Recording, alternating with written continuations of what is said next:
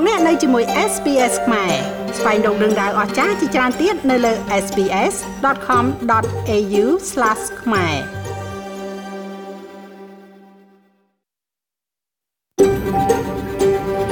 SBS, a world of difference.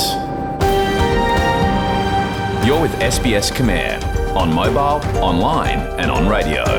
លោកអ្នកនៅជាមួយ SPS ខ្មែរនៅលើទូរស័ព្ទដៃអនឡាញនិងវិទ្យុ សូមគោរពនឹងជម្រាបសួរលោកលោកស្រីប្រិយមិត្តអ្នកស្ដាប់ SBS ខ្មែរទាំងអស់ជាទីមេត្រីថ្ងៃនេះត្រូវនៅថ្ងៃពុធ10រយខែមករាឆ្នាំឆ្លូវត្រីស័កពុទ្ធសករាជ2565ត្រូវនៅថ្ងៃទី29ខែធ្នូឆ្នាំ2021នាងខ្ញុំឡៃដានេពីទីក្រុងមែលប៊នសូមនាំមកជូននៅកម្មវិធីផ្សាយរយៈពេល1ម៉ោងដែលមានជាបន្តបន្ទាប់ដូចតទៅនេះ ការសិក្សាអំពីអាកាសធាតុនៅប្រទេសអូស្ត្រាលីនិងកត្តាដែលធ្វើឲ្យថ្លៃដឹកជញ្ជូនឡើងថ្លៃរបាយការណ៍ពីប្រទេសកម្ពុជាស្ដីអំពីជំនួយវ៉ាក់សាំងបង្ការជំងឺ Covid-19 ប្រភេទ Pfizer ចំនួន1លាន5សែនដូសពីប្រទេសអូស្ត្រាលីនិងការប្រឡងបាក់ឌុបរយៈពេល2ថ្ងៃនៅកម្ពុជាទាំងនេះនឹងនាំមកជូនប្រិយមិត្តអ្នកស្ដាប់បន្ទាប់ពីនីតិព័ត៌មានមេតិការនៃព័ត៌មានសំខាន់សំខាន់មានរដ្ឋ Queensland បានលុបចោលកាតព្វកិច្ចសម្រាប់អ្នកធ្វើដំណើរនៅក្នុងរដ្ឋក្នុងការធ្វើតេស្ត PCR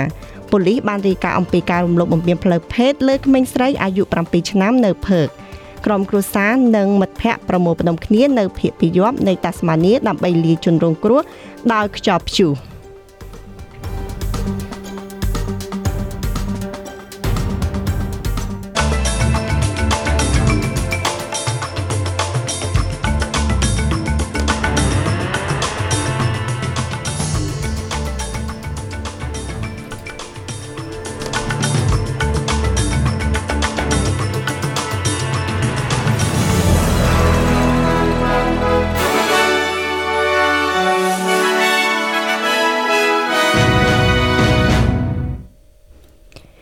ត្រាលីខាងត្បូងនឹងលេងធ្វើតេស្តមុនការចេញដំណើរហើយសម្រាប់អ្នកធ្វើដំណើរចេញពីរដ្ឋវាកើតឡើងនៅពេលដែលប្រទេសអូស្ត្រាលីខាងត្បូង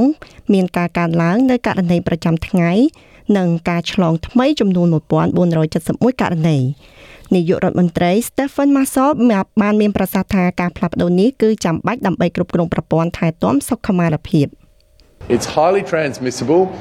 វាឆ្លងបានខ្ពស់ភាពធ្ងន់ធ្ងរនៃរោគសញ្ញាគឺទាបជាងប៉ុន្តែប្រសិនបើយើងគ្រប់គ្នាវាយលុកប្រព័ន្ធសុខាភិបាលក្នុងពេលតែមួយវានឹងគ្រប់ដណ្ដប់ប្រព័ន្ធសុខាភិបាលរបស់យើងនៅក្នុងប្រទេសអូស្ត្រាលីនោះហើយជាមូលហេតុដែលធ្វើឲ្យយើងឈានទៅមុខក្នុងប្រទេសអូស្ត្រាលីខាងត្បូងយើងមានលក្ខខណ្ឌផ្លាស់ប្ដូរដូច្នេះផែនការរបស់យើងត្រូវតែផ្លាស់ប្ដូរ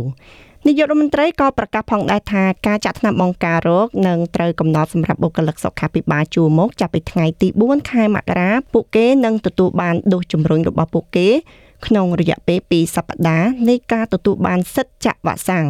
ហើយថានឹងមានការកាត់បន្ថយការវះកាត់ដែលបានជ្រើសរើសរួចហើយដើម្បីបែងចែកធនធានផ្នែកសុខាភិបាលចាស់សំទុះទៅទប់ទល់នឹងជំងឺរាតត្បាត លោកអំពីវនីវឲ្យពលរដ្ឋធ្វើការពីផ្ទះបើអាចគឺដល់ចុងខែមករាមានការកើនឡើងយ៉ាងខ្លាំងនៃករណីជំងឺកូវីដ -19 ពេញមួយយប់ជាមួយនឹងចំនួនមនុស្សជិត2ដង ដែលត្រូវបានបញ្ជាក់ថាមានមេរោគនៅក្នុងរដ្ឋ New South Wales ជាងថ្ងៃមុនមុន និងការឆ្លងកើនឡើងយ៉ាងខ្លាំងសម្រាប់រដ្ឋ Victoria ការកើនឡើងនេះកើនឡើងនៅពេលដែលការរឹតបន្តឹងនៅទូទាំងរដ្ឋទាំងពីរបន្តបន្ធូរបន្ថយ New South Wales has reported 11,200រដ្ឋ New South Wales បានរាយការណ៍ពីករណី COVID-19 ចំនួន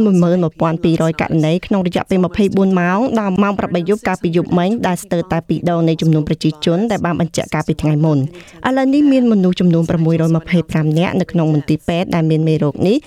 ដោយក្នុងនោះ61នាក់កំពុងស្ថិតនៅក្នុងការមើលថែយ៉ាងយកចិត្តទុកដាក់ រដ្ឋក៏បានប្រកាសពីការស្លាប់ចំនួន3អ្នកបន្ថែមទៀតផងដែរទូរលេខថ្មីកើតឡើងនៅពេលដែលតម្រូវការបានរុញមជ្ឈមណ្ឌលធ្វើតេស្តហួសពីសមត្ថភាពដោយមនុស្សរាប់ពាន់នាក់នៅទូទាំងរដ្ឋ New South Wales តម្រង់ជួរជាច្រើនម៉ោងដើម្បីរងចាំឆ្លាស់គ្នាធ្វើតេស្តទន្ទឹមនឹងនេះរដ្ឋ Victoria បានឃើញការកើនឡើងយ៉ាងខ្លាំងនៃការឆ្លង COVID ដោយកត់ត្រាករណីថ្មីចំនួន3767និងការស្លាប់ចំនួន5នាក់នោះ គឺមានជាង1000ករណីច្រើនជាងថ្ងៃមុនជាមួយនឹងការសម្រាប់ព្យាបាលនៅមន្ទីរពេទ្យក៏កើនឡើងដល់397នាក់ក្នុងនោះ61នាក់កំពុងស្ថិតនៅក្នុងការមើលថែទាំដោយយកចិត្តទុកដាក់គិតត្រឹមម៉ោង9 20នាទីព្រឹកនេះកន្លែងធ្វើតេស្តជាង20នៅទូទាំងក្រុងមែលប៊នត្រូវបានបិទបន្ទាប់ពីទទួលធ្វើតេស្តគ្រប់ចំនួន រដ្ឋ Queensland បានរាយការណ៍ពីករណីថ្មីចំនួន1539នៅថ្ងៃនេះដែលមានជាង6000ករណីជាករណីសកម្មទោះបីជាមានការកើនឡើងក៏ដោយប្រធានផ្នែកសុខាភិបាលលោកវិជ្ជបណ្ឌិត George Jared បានស្វាគមន៍ចំពោះការពិតដែលថាมันមានករណីនៅក្នុង ICU នៅពេលនេះទេលោកវិជ្ជបណ្ឌិត Jared បានយកចិត្តទុកដាក់ទៅលើការមើលតួលេខ ICU ដោយនិយាយថាវាគឺជាការចង្អុលបង្ហាញដ៏ល្អបំផុតនៃភាពធ្ងន់ធ្ងរនៃជំងឺរាតត្បាត ហើយជាសញ្ញាមួយដែលថាវ៉ាក់សាំងកំពុងធ្វើការយ៉ាងសកម្មប៉ូលីសអូស្ត្រាលីភាគខាងលិចបានរកឃើញទាំងកញ្ចក់បង្អួចដែលបាត់ខណៈដែលការស្វែងរករបស់ពួកគេនៅតែបន្តស្វែងរកបុរស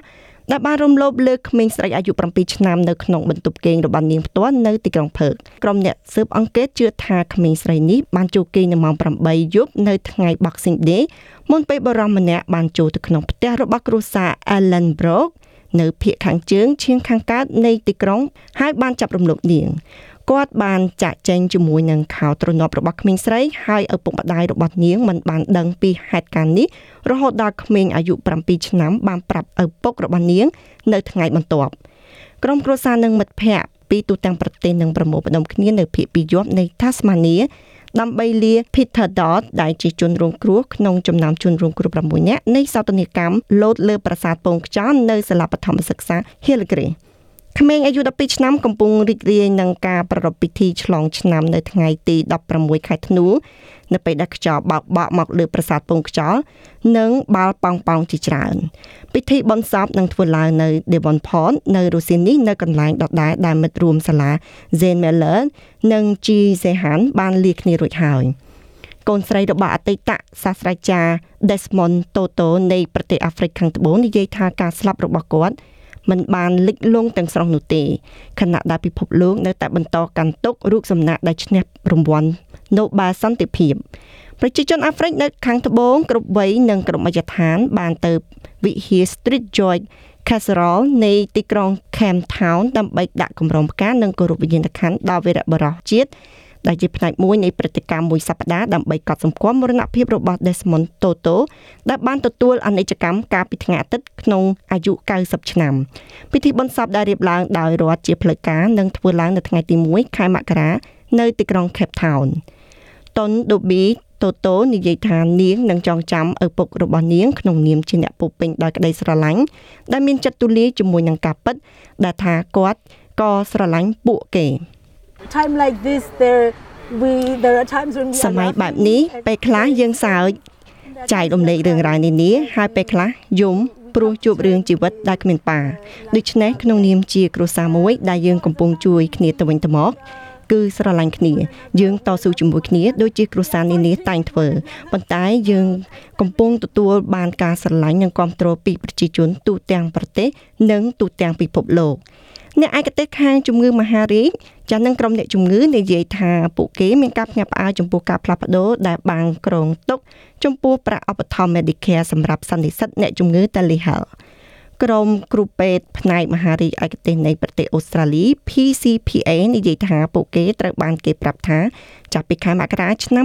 2022ប្រាក់ឧបត្ថម្ភ Medicare សម្រាប់ការហៅទូរស័ព្ទនឹងត្រូវគេលុបចោលរួមជាមួយនឹងបរិមាណ50%នៃការពិគ្រោះយោបល់ជាវីដេអូសម្រាប់អ្នកជំងឺក្នុងតំបន់និងជនបទ ប្រធាន PCPA លោកចាលោកវិជ្ជបណ្ឌិត Christopher Steele បានមានប្រសាសន៍ថាអ្នកឯកទេសខាងជំងឺមហារីកត្រូវបានផ្ដល់ការជូនដំណឹងត្រឹមតែ8ថ្ងៃប៉ុណ្ណោះ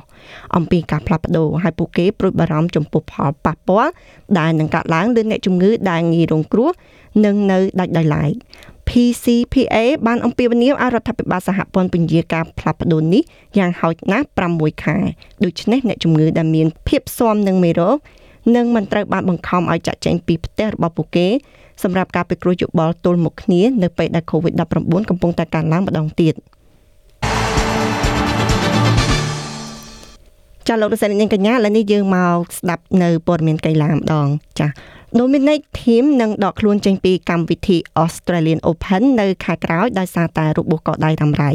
កីឡាករអូទ្រីសវ័យ28ឆ្នាំក៏មិនអាចការពារតំណែងជើងឯក US Open របស់ខ្លួននៅក្នុងឆ្នាំនេះដែរ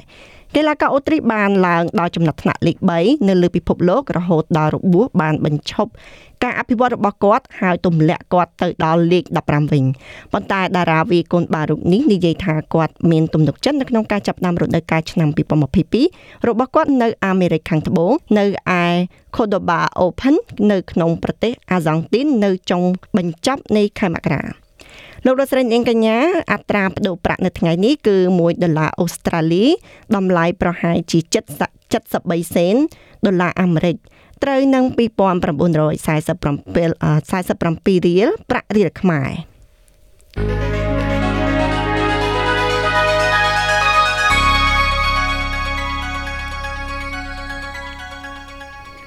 ចាយើងក្រឡេកមកមើលការព្យាករណ៍អាកាសធាតុសម្រាប់ថ្ងៃពុធនេះវិញ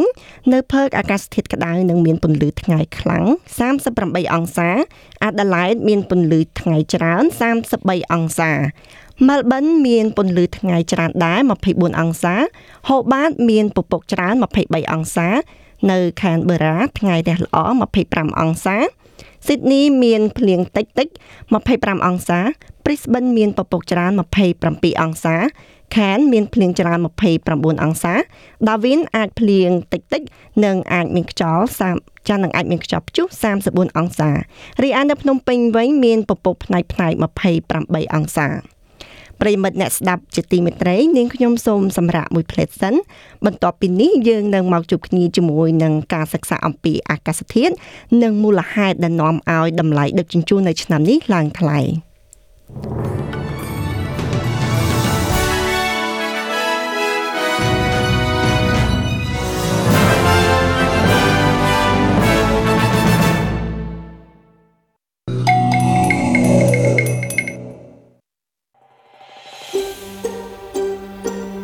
ង់ស្ដាប់រឿងក្រៅបែបនេះបន្ថែមទៀតទេ